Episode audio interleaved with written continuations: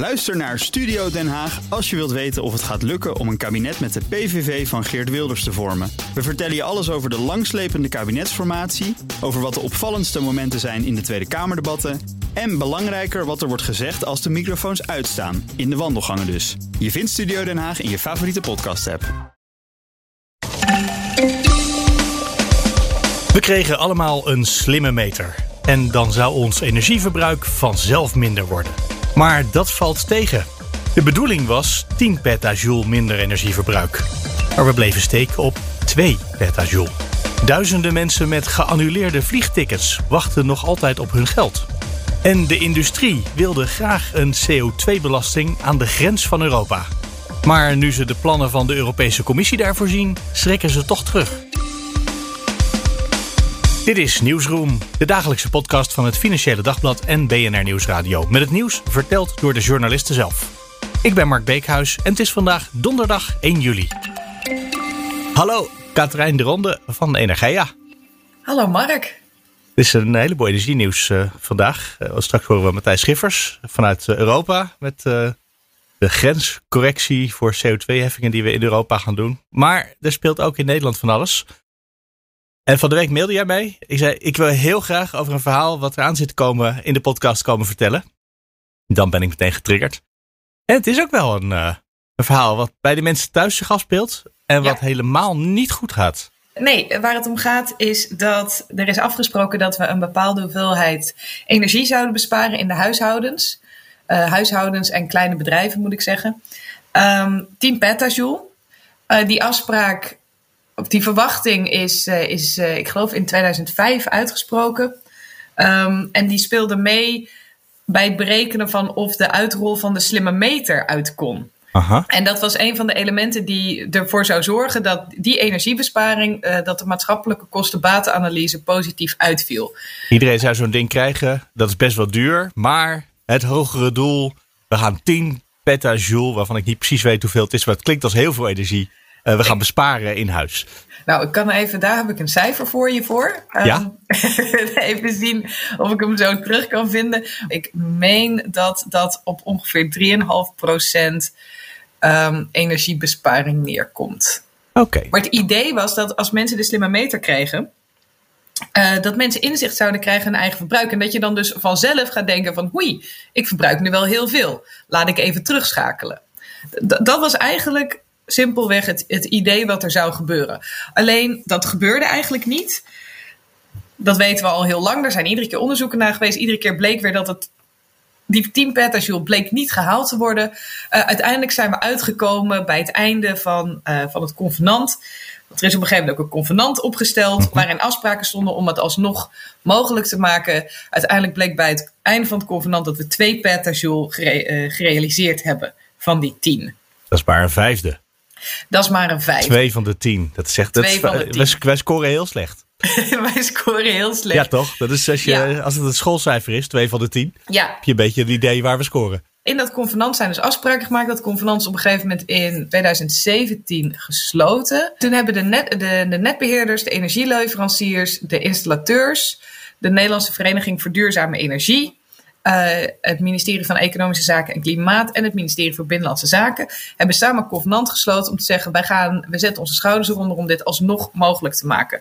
Um, en waar de crux in zit, is dat. Kijk, je kunt wel zo'n slimme meter hebben, maar daarmee heb je nog geen inzicht. Dus je hebt iets nodig wat, wat die uh, gegevens die de slimme meter kan verzamelen, aan jou laat zien van dit is je daadwerkelijke verbruik. En vanaf het begin is er sprake geweest van: hé, hey, misschien moeten we mensen een klein displaytje in huis geven, waarbij ze het gewoon kunnen zien. Dat is toch een slimme meter? Of is dat, uh, heb ik een verkeerd nee, beeld bij het woord slimme meter? Nee, nee, inderdaad. Je hebt, de slimme meter is het ding wat in je meterkast hangt. Oh, dat is het apparaat wat uh, de metingen doet, allicht. Ja, niet ja. een uh, display. Nee, een display is eerder, uh, dan moet je denken nou ja, aan je thermostaat, zeg maar, maar dan dus eentje die. Een slimme thermostaat, dat is wat je in je woonkamer dan hangt. Ja, maar je kunt het, je kunt, hè, wij hebben slimme thermostaten als Stones en als Nest. En die, die hebben superveel functionaliteiten en die zijn echt, uh, echt heel fancy. Maar je kunt het natuurlijk veel simpeler doen dat je er gewoon een klein displaytje hebt van dit is, waar je, hè, dit is wat je nu verbruikt. Dit is hoe warm het is in je huis. Dit is wat je nu verbruikt aan stroom en dit is wat je nu verbruikt aan gas.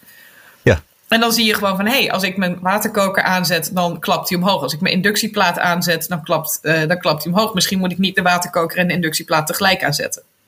Of je ziet, uh, mijn zonnepanelen leveren heel veel. Misschien moet ik juist nu uh, de waterkoker aanzetten. Maar dus je zei, iedereen zou zo'n zo'n schermpje in zijn kamer moeten krijgen? Daar was sprake van. Dat is geopperd. Um, en dat zouden dan de, de, netbeheerders doen, maar, of tenminste die hadden dat voorgesteld van hé, hey, wij kunnen dat doen. En toen hebben de marktpartijen gezegd nee, want dit is een dienst die de markt levert. Hè, met de, de energiebedrijven. en de Nest. En, ja. Precies, energiebedrijven. Maar ook installateurs hoor. En ook uh, uh, technische bedrijven die dit, hè, wat ik zeg, de, de ja. Nest is ook niet van een, uh, van een energiebedrijf. Nee, precies, die is merkonafhankelijk wat dat betreft. Precies. Dus de markt zei van nee, wij gaan dat doen, want dat is onze taak. En netbeheerders zijn publieke bedrijven, dus die, die moeten zich niet op de markt begeven. Uh, en er kwam toen ook een verbruikskostenoverzicht bij de invoering van de slimme meter. Waarbij je, uh, dat, is, dat is wettelijk verplicht, waarbij je energieleverancier elke twee maanden jou een overzicht stuurt van dit is wat je hebt verbruikt. Dat hielp wel een beetje uh, in de energiebesparing, maar toch niet zo heel veel. Dus in 2017, toen het maar niet opschoot en mensen maar geen displays in hun huis gingen ophangen. Ik moet trouwens nog één ding tussendoor zeggen energieleveranciers die hebben natuurlijk niet alleen die displays, die hebben ook websites en apps. Ja. Dus de verwachting was dat die apps en die websites ook wel hun ding zouden doen, samen met dat verbruikskostenoverzicht dat je toch al kreeg. Maar het zette maar geen zoden aan de dijk. Dus in 2017 is dat convenant gekomen van jongens, we moeten de huishoudens vertellen dat, dat dit bestaat, want ze weten het gewoon niet. Aha. En als ze eenmaal weten dat het bestaat, dan gaan ze het vanzelf allemaal in hun huis ophangen, want je gaat minder energie verbruiken, is gewoon in hun eigen voordeel. Hartstikke slim. Nou, dus er zijn allerlei initiatieven geweest, um, samenwerkingen tussen de netbeheerders en, en de installateurs en de energiebedrijven, dat je op het moment dat je je slimme meter krijgt, dat je ook al deze informatie krijgt, om aanbiedingen. Uh, er zijn uh, subsidieregelingen uh, zijn verruimd. Dat was dan wat de, de overheid deed. Um, en in die subsidieregelingen kon je dus ook zo'n zo'n slimme, uh, zo'n energieverbruiksmanager, zo heet het officieel, kon dat je dan is ook zo, aanschaffen. Zo'n schermpje voor aan de muur, ja. Heet dat een energieverbruiksmanager? Ja, dat heet een, afgekort EVM. Um, Oké.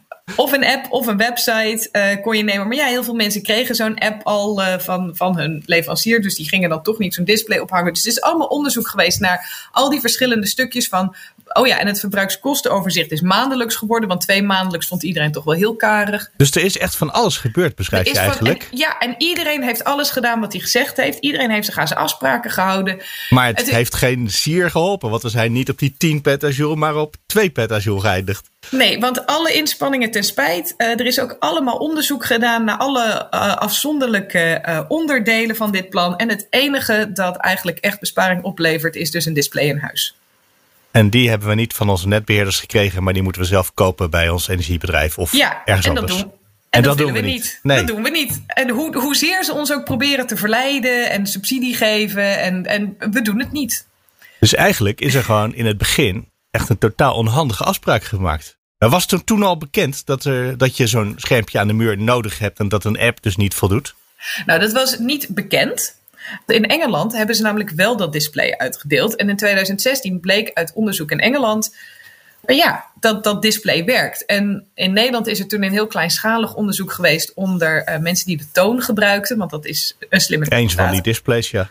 Is een van die displays. En ook daar bleek dat mensen die de toon gebruiken inderdaad minder energie gebruiken. Nou kun je natuurlijk zeggen mensen die de toon gekocht hebben of ja. genomen hebben bij hun energie. Ja, zelfselecterend publiek.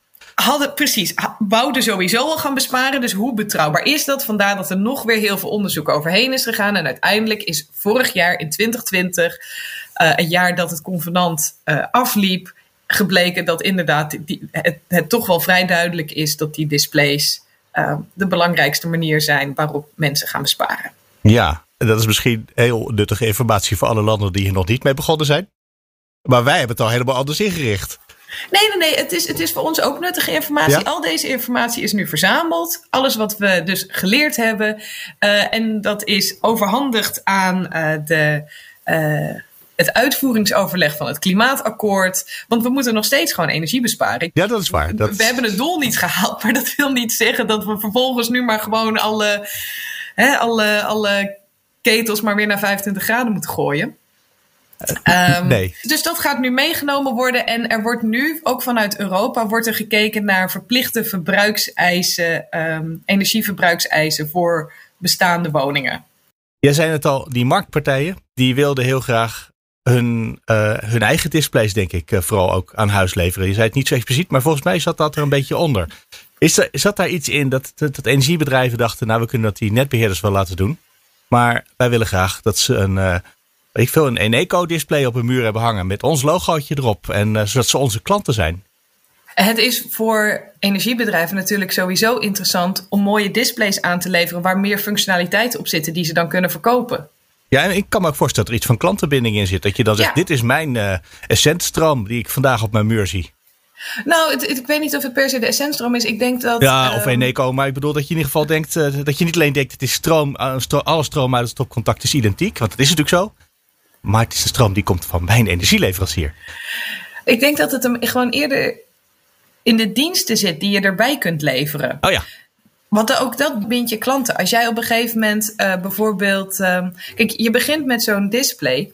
Maar in de toekomst, als we allemaal veel meer elektriciteit gaan verbruiken, dan kan het heel interessant worden om te gaan schuiven met je verbruik naar momenten dat je veel opwek hebt van energie. Bijvoorbeeld omdat je eigen zonnepanelen hebt of omdat de wind heel hard waait. Ja, dus dat je stroom gebruikt als die er toevallig net is, omdat het hard waait of omdat er veel zon is.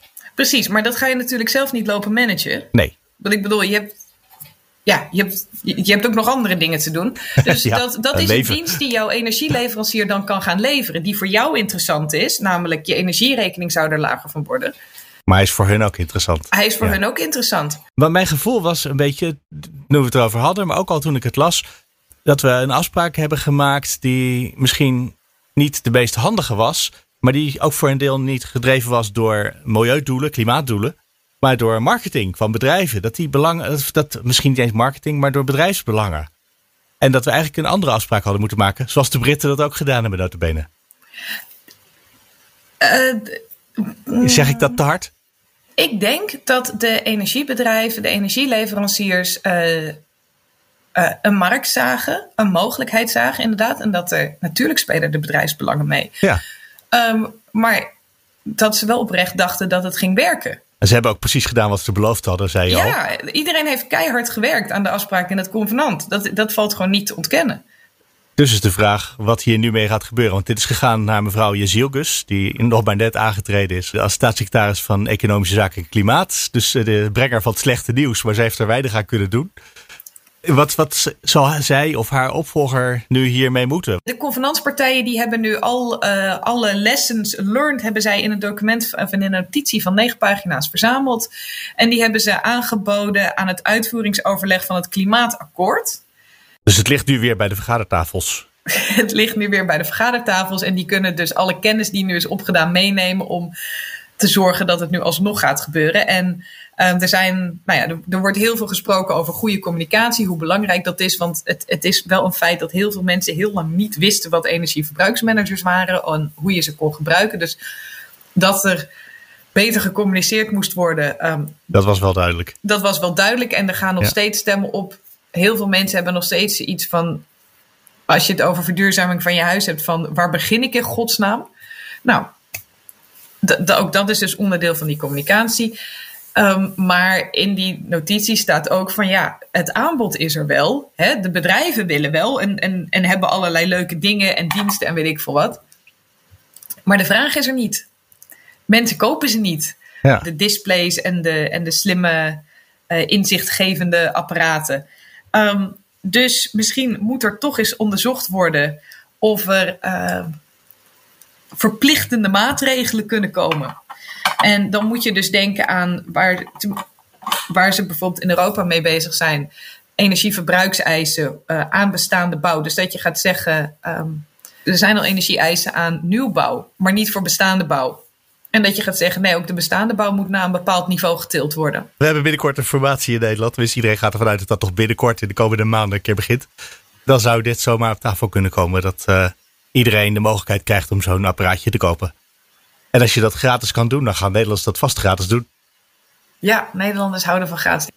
Ehm, en nou, misschien dat het nog wel belangrijk is om te zeggen dat we gaan natuurlijk naar een heel ander soort van energiesysteem toe, waarbij je niet per se simpelweg alleen maar stroom en gas koopt. En in de toekomst waarschijnlijk alleen nog maar stroom of stroom en warmte. Maar waarbij je zelf ook zonnepanelen op je dak hebt liggen. En waarbij jouw huis dusdanig geïsoleerd is dat je eigenlijk helemaal niet zo heel veel meer nodig hebt van die energieleveranciers. Dus die energieleveranciers die zitten inderdaad echt wel te kijken van.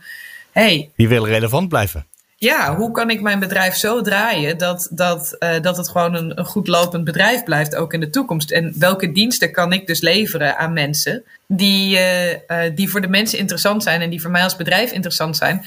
En het managen van energiestromen is daar wel een hele interessante in, omdat dat ook heel belangrijk is.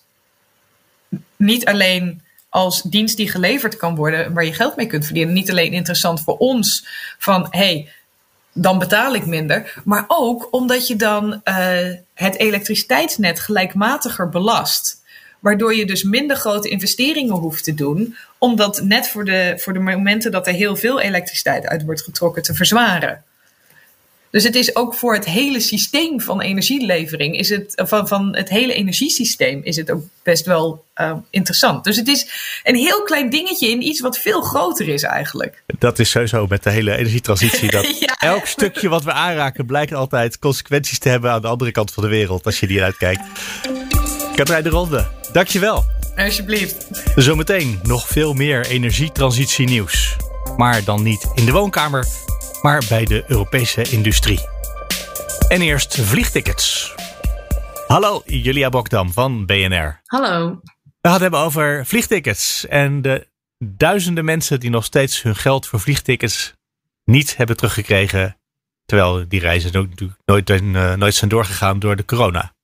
Ja. Dat is echt uh, een hele tijd inmiddels al opgelost, dacht ik. Ja, nou, we zijn inmiddels uh, anderhalf jaar, uh, bijna anderhalf jaar verder voor mensen die een, uh, bijvoorbeeld vorig jaar maart op, op reis zouden gaan en dat door corona niet, niet door zou gaan. En dan denk je van, nou, inmiddels zitten we nu toch op het moment, het, het, de zomer lijkt ook weer wat positiever, we kunnen misschien weer, we kunnen weer op reis, dan zou je toch ook je geld weer terug hebben. Maar dat blijkt ja. toch zeker niet in alle gevallen het, het geval.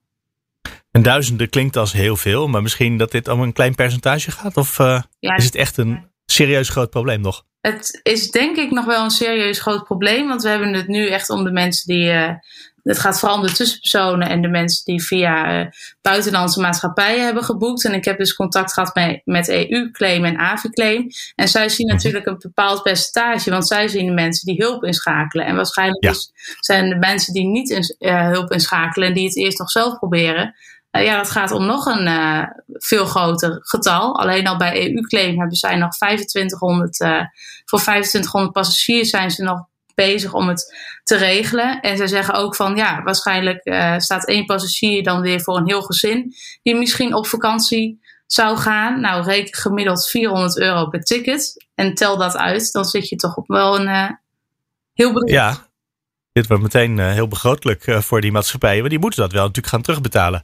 Gaat dit eigenlijk over de KLM? Gewoon over wat er in Nederland zich afspeelt? Of gaat dit, wat je zei, volgens mij al buitenlandse luchtvaartmaatschappijen? Dus misschien ook wel die van de andere kant van de wereld. Ja, precies. Wat de claimorganisaties zien is dat eigenlijk bij bedrijven waar het het lastigst is om het geld uh, terug te krijgen, dan hebben we het over de buitenlandse maatschappijen en mensen die via een, tussenpersoon hebben geboekt. Zo'n organisatie waar je die dan tickets aanbiedt.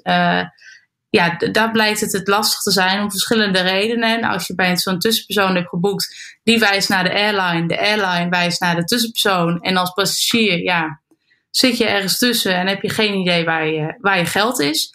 En bij buitenlandse maatschappijen is nog een extra moeilijkheidsgraad dat ze of enerzijds wijzen op, op andere regels die zouden gelden, of dat er bijvoorbeeld dan geen vestiging in Nederland is, waardoor het moeilijker is om uiteindelijk te procederen en naar de rechter te stappen en je geld terug te krijgen. En überhaupt, als er geen vestiging in Nederland is en alleen ergens in het buitenland, ja, dan kom je ook veel moeilijker met die partijen in contact. Want hoe kom je daar überhaupt? Ja, dus dat zijn wel, uh, wel punten waar het, wat het uh, lastig maakt.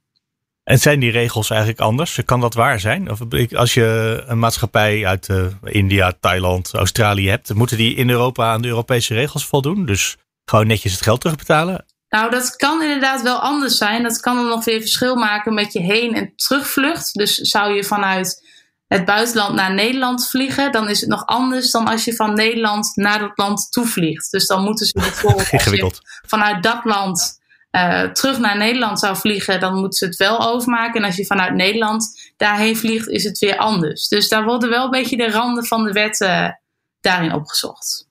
Oké, maar het betekent in ieder geval dat je toch voor een stuk van de vlucht dan waarschijnlijk wel recht hebt. En misschien wel sowieso op de hele vlucht. Ja, je hebt er wel recht op, maar de vraag is hoe krijg je het dan? En dat blijkt ja. uh, soms soms lastig. De, de claimorganisaties die ik gesproken heb, die zien over het algemeen dat het met Nederlandse maatschappijen wel redelijk goed betalen. Mensen die bijvoorbeeld ook pakketreizen hebben gehad, dan zie je ook de, de, de foutjes die daarvoor zijn. En dat wordt uh, grotendeels gaat dat goed. Wat natuurlijk nog wel een, uh, een heikel punt is, hebben we het over D-reizen. Dat oh ja, die zijn failliet gegaan hè? D-reizen is failliet gegaan. Nu is het uh, voor de mensen die pakketreis via D-reizen uh, hebben geboekt. Daar is nu een garantiefonds, dus dat neemt de SGR op zich. En dat zou makkelijker worden om het op die manier terug te krijgen. Ook dat gaat nog wel even duren, want ze hebben 22.000 mensen hebben zich gemeld. En ze kunnen ze eerst maar 6.000 in behandeling nemen, waardoor de rest pas in december wordt. Maar het lastige zit er eigenlijk in mensen die een los vliegticket hebben uh, geboekt. Want uh, ja, D-reis was een soort van bemiddelaar. En nu zeggen bijvoorbeeld KLM en uh, Transavia zeggen ja, wij hebben het geld al voor het faillissement terugbetaald aan D-reizen. Dus heel vervelend dat mensen nu het geld niet hebben. Maar wij gaan dat niet nog een keer betalen merken die, uh, die claimorganisaties. En vervolgens heb je als passagier je geld niet terug, want uh, D-reizen is failliet en daar valt ook niet zoveel meer te halen. Dus ja, dat is een heel lastig financieel en juridisch getouwd. Ja, dat is misschien juridisch ingewikkeld, want eigenlijk moet je niet bij zo'n tussenpersoon zijn, maar bij de luchtvaartmaatschappij, toch? Dus als ik dan met mijn D-reizen ticket geboekt bij KLM naar KLM ga, dan zou KLM mij toch moeten betalen. Nou ja, uiteindelijk is dat wel hoe het zit. Uiteindelijk is niet, dat is ook met, met elke situatie waar we het net over hadden met, met tussenpartijen. Uiteindelijk is niet de tussenpersoon, um, maar uiteindelijk is de vliegmaatschappij verantwoordelijk. Dus die moet uiteindelijk zorgen dat het geld bij jou komt. Dus dat uh, EU-claim zegt ook, ja, wij gaan, uh, wij gaan naar de rechter, hoe vervelend het ook is voor KLM. Maar uiteindelijk moeten zij zorgen dat het geld bij de, bij de reizigers komt. Krijg ik het gevoel dat het handiger zou zijn geweest als we als je niet bij de luchtvaartmaatschappij, maar bij de tussenpersoon. Dus ik boek bij iemand tickets, dat dan ook diegene verantwoordelijk is voor mij daarna. Dat zou handiger geweest zijn, maar dat, dat is dus niet uh, het geval. Uh, ze noemen het ook wel de Bermuda-driehoek. Het, uh, het, geld verdwijnt ergens en we wijzen naar elkaar, maar waar het uiteindelijk is, niemand weet het. het zou, uiteindelijk is de vliegmaatschappij wel verantwoordelijk, maar het zou handiger zijn als dat dan misschien jouw contactpersoon was geweest. Maar aan de andere kant zijn uh, ja, die tussenpersonen alleen degene die het weer aanbieden. Dus je kan ze op die reden weer niet verantwoordelijk stellen. Het is in ieder geval nog lang niet klaar. En uh, als het er nu nog een paar duizend mensen gaat, dan loopt nou, het getal wat je net noemde, dat loopt al meteen in de miljoenen. In Nederland alleen al. Dit zal waarschijnlijk in heel Europa en misschien wel in de rest van de wereld ook spelen. Dat, uh, dat denk ik zeker. En het gaat om een groter getal, want die, die duizenden wat wij dan net al noemden, dat zijn alleen de mensen die dan in beeld zijn bij EU-claim en AVI-claim. Nou, er zijn volgens ja. ook nog heel veel mensen die het zelf proberen of op een andere manier op, via eigen rechtsbijstand. Dus uh, ik denk dat het om grote aantallen en uh, grote bedragen gaat. Jullie hebben ook dan, dankjewel. Graag gedaan. Even kijken, jij schreef zo'n zinnetje als het document in handen van het FD. Heb je iets stiekem bij een kopieerapparaat gevonden? Of valt daar iets over te zeggen? Nou ja, kijk, op 14 juli komt de Europese Commissie, Frans Timmermans om precies te zijn, met een heel pakket aan wetsvoorstellen die moeten gaan helpen om de nieuwe klimaatdoelen, oftewel die voor 2030 is die verhoogd naar een CO2-reductie van 55% versus 1990, stond op 40%. Dus uh, dat is verhoogd. Daardoor moeten allemaal wetten worden aangepast, aangescherpt. Er moeten nieuwe wetten worden geïntroduceerd. En wat je dan weet is dat in de aanloop naar zo'n dag er uh, op een gegeven moment concepten gaan veronslingeren natuurlijk. eerst een hele kleine groep en dan iets groter, et cetera. Uh, dan weet je gewoon dat je uh, op je kivive moet zijn, want dan wordt ook wel wat gelekt, ook heel bewust natuurlijk, om de markt alvast even te testen en de reacties te testen. Zo'n uh, concept kan uiteindelijk ook nog veranderd worden. De eindversie kan kan er anders uit gaan zien. Um, dus uh, goed, ja, het voorstel voor die, die CO2-grensheffing, die overigens geen heffing mag heten, maar daar zal ik niet mee. Uh, een mechanisme is het officieel, hè? Precies, een mechanisme voor koolstofcorrectie aan de grens. We dreigen al het hele gesprek in te gaan. Voordat we dat echt doen, laat ik je heel eventjes nog snel introduceren. Matthijs Schiffers van het FD. Hallo, welkom in de podcast. Welkom. Ja, we gaan het hebben over dat CO2 uh, grenscorrectiemechanisme van de Europese Unie, wat misschien wel aan zit te komen. En nou, wat je net al zei, er zit een uh, bespreking aan te komen en dan gaan er documenten rondzwerven. En op de een of andere manier stond je op de goede gang, waar iemand toevallig met zo'n papier in de hand uh, stond of zo. Nou ja, zo ging het vroeger natuurlijk, maar in coronatijd is het toch allemaal iets anders geworden. Dan sta je in de virtuele gang als het ware en dan hoop je maar uh, dat, je daar, uh, dat daar ook wat uh, voorbij komt. Nee, het was, ja, wat ik zeg, die documenten gaan op een gegeven moment rond. Eerst in een zeer beperkte kring, dan een iets, iets ruimere kring. Um, ja, en dan moet je gewoon op je kivive zijn en hopen dat je de, de juiste bronnen kunt aanboren die toevallig zo'n document hebben. En uh, nou goed, zo is dat uh, gegaan deze keer. Op een gegeven moment ben je ook een beetje een expert op een bepaald onderwerp. Voor anderen is dat misschien wat minder interessant. dus je hebt dan ook een beetje vrij spel. Ja, ehm, ja en zo, zo wist ik op een gegeven moment ook de hand te leggen op dit stukje. En dat document dat beschrijft hoe dat mechanisme of die CO2-heffing aan de grens van Europa moet gaan werken. En daar staat iets, iets in wat de industrie niet zo bevalt. Als ik vandaag de voorpagina van het FD goed lees, Namelijk, tot nu toe krijgen ze gratis CO2-uitstootrechten. En ja, als ze al bescherming krijgen met zo'n uh, correctiemechanisme, met zo'n importheffing, dan is dat niet meer nodig. Dus dan moet je ineens als industrie alle CO2 die je uitstoot, daar moet je voor gaan betalen. Dat is het plan, hè? Ja, nou, het zijn eigenlijk in feite twee plannen. Eerst heb je dat, eh, het, het, plan voor die, die CO2-grensheffing. Uh, dat is echt iets nieuws. Hè. Er is toch niks vergelijkbaars op de wereld. Dat betekent dat bedrijven die uh, buiten de EU zitten en die willen exporteren naar de EU, uh, moeten betalen voor de, de, de koolstof die ze bij hun productie hebben uitgestoten. Net zoals een Europese bedrijven dat moeten doen. Ja, dus dat is om het eerlijk te maken, dat we geen valse concurrentie van buiten krijgen. Ja, en ook om te voorkomen dat bedrijven in Europa denken, weet je wat, ik ga mijn productiefaciliteiten naar buiten Europa pla oh ja. plaatsen, dan hoef ik geen CO2-prijs te betalen en ik, en ik uh, exporteer het vandaar wel zonder problemen terug naar de EU. Dus die loophole willen ze, willen ze afsluiten. En dat voorstel, dat, dat, hoe, dat, hoe dat mechanisme eruit moet gaan zien, is een paar weken geleden gelekt. Daar hebben we ook een artikel over geschreven. Alleen daar stond één ding niet in. En dat heeft te maken met de hervorming van het emissiehandelssysteem. Wat bepaalt welke sectoren er, er, moeten gaan betalen voor hun koolstof en, uh, en hoeveel rechten er uitstaan, et cetera. En dat is het voorstel dat deze week lekte. En daarin, want het zijn eigenlijk twee communicerende vaten, daarin staat dat um, sectoren die beschermd gaan worden door die grensheffing, moeten hun gratis rechten die ze nu nog krijgen onder het emissiehandelssysteem uh, inleveren. En dat, uh, dat was al een beetje de angst bij een aantal sectoren. En uh, die is nu eigenlijk wel bewerkelijk geworden. althans, het staat in het conceptvoorstel van de commissie met zoveel woorden. Hoe vaak verandert daar nog iets aan tussen het moment van het eerste lekken en het begin van de onderhandelingen en het einde dat alle handtekeningen gezet zijn? Oh, daar, daar verandert altijd nog wat aan. Maar de vraag is op, op welke vlakken er iets uh, gaat veranderen. ik sluit niet uit dat in dit geval, uh, er staat nu met, met echt gewoon letterlijk sectoren die beschermd gaan worden door die CO2-grensheffing. Dat zijn de staalsector, de kunstmest, cement, um, uh, aluminium en, en stroomsector. Die moeten hun gratis rechten die ze nu krijgen inleveren. Um, wat ik me zomaar kan voorstellen is dat ze zeggen, nou, in 2023 moet die, 2000, die grensheffing gaan werken. Ze hoeven niet meteen alles in te leveren, maar ze gaan in etappes hun rechten kwijtraken. Dus in, eh, bij aanvang nou, zoveel procent en dan de komende jaren. Langzaam afbouwen. Tot ze in 2030 ja. helemaal van hun gratis rechten verlo uh, verlost, verlost zijn, wou je zeggen. Ja, afgepakt ja. zijn, zeg maar. Ja. en dat is natuurlijk gewoon een politieke keuze. Of hebben die bedrijven misschien rechten opgebouwd in de afgelopen jaren? Omdat natuurlijk, we hebben al zo'n emissiehandelssysteem. Dus die bedrijven die hebben al verwachtingen over hoe dat gaat werken.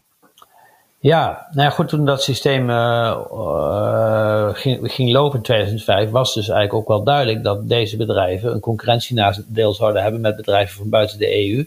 die geen rechten hoeven aan te schaffen. En daarom is juist gekozen om ze gratis rechten te geven. Dat wil niet zeggen, ze moeten wel een deel, de staalsector bijvoorbeeld, van de 100% rechten die ze nodig hebben, krijgen ze 80% gratis. Dus ja, dat best is veel. Best wel veel. Dus 20% betalen ze voor. En dat is ook iets wat, wat, wat die sectoren nou zeggen. Doe dan die grensheffing over die 20%. Dat zou eerlijk zijn, snap je? Dan houden we die 80% gratis en dan betalen we, dan betalen importeurs alleen over die 20%. Uh, maar goed, de, de, commissie denkt, ja, we, we, willen eigenlijk gewoon de hele klimaatambitie omhoog. We willen helemaal af van die gratis rechten. Bedrijven die beschermd gaan worden door die, die grensheffing, die raken alle gratis rechten kwijt. Net zo makkelijk. En een deel van de industrie heeft hier ook voor gepleit, hè? Ja. Zijn die nog steeds enthousiast of schrikken ze nu terug? Nee, de een naar de ander uh, werkt, uh, komt naar buiten met statements als nou, als het zo moet, dan uh, laat maar zitten. eerst de staalsector en toen de aluminiumsector en de cementsector heeft nu ook al zijn bedenking geuit.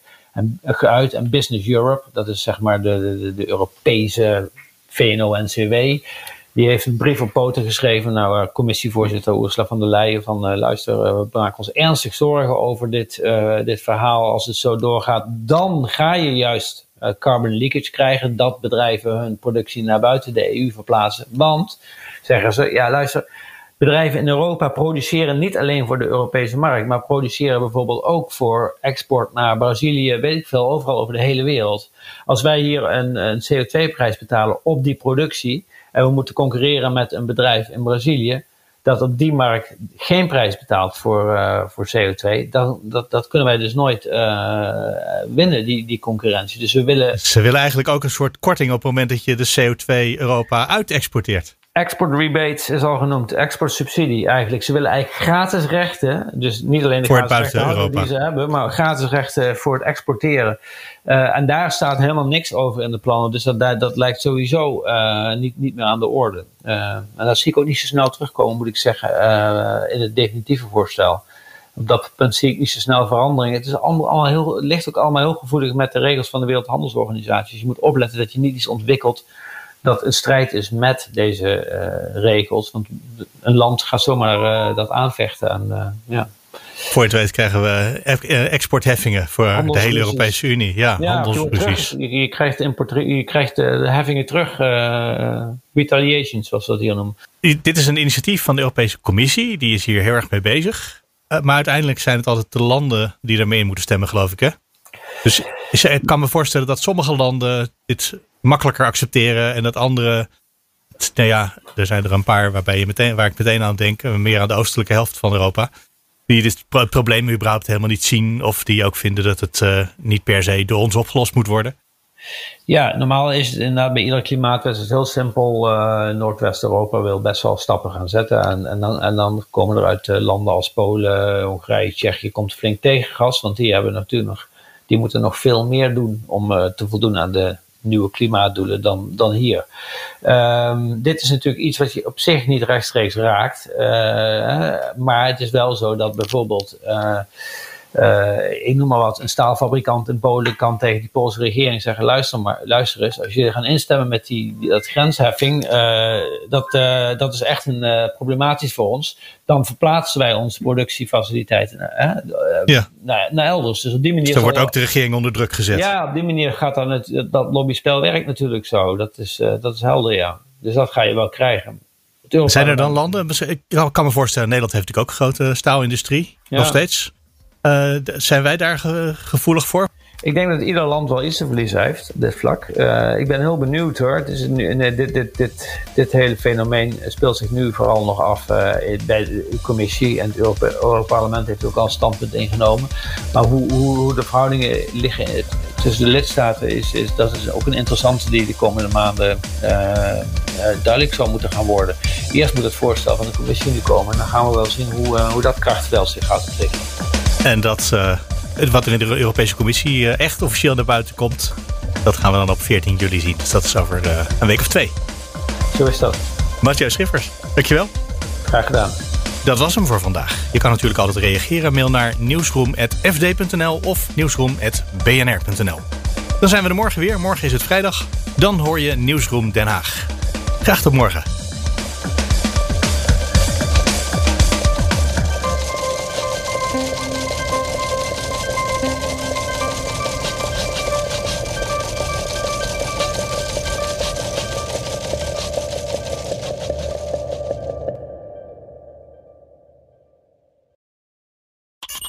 Harm Edens vind je in de BNR-app. Je kunt BNR Duurzaam niet alleen live luisteren in de app, maar ook terugluisteren als podcast, zoals al onze podcasts. En naast dat de BNR-app Breaking News meldt, houden we je ook op de hoogte van het laatste zakelijke nieuws. Download nu de gratis BNR-app en blijf scherp.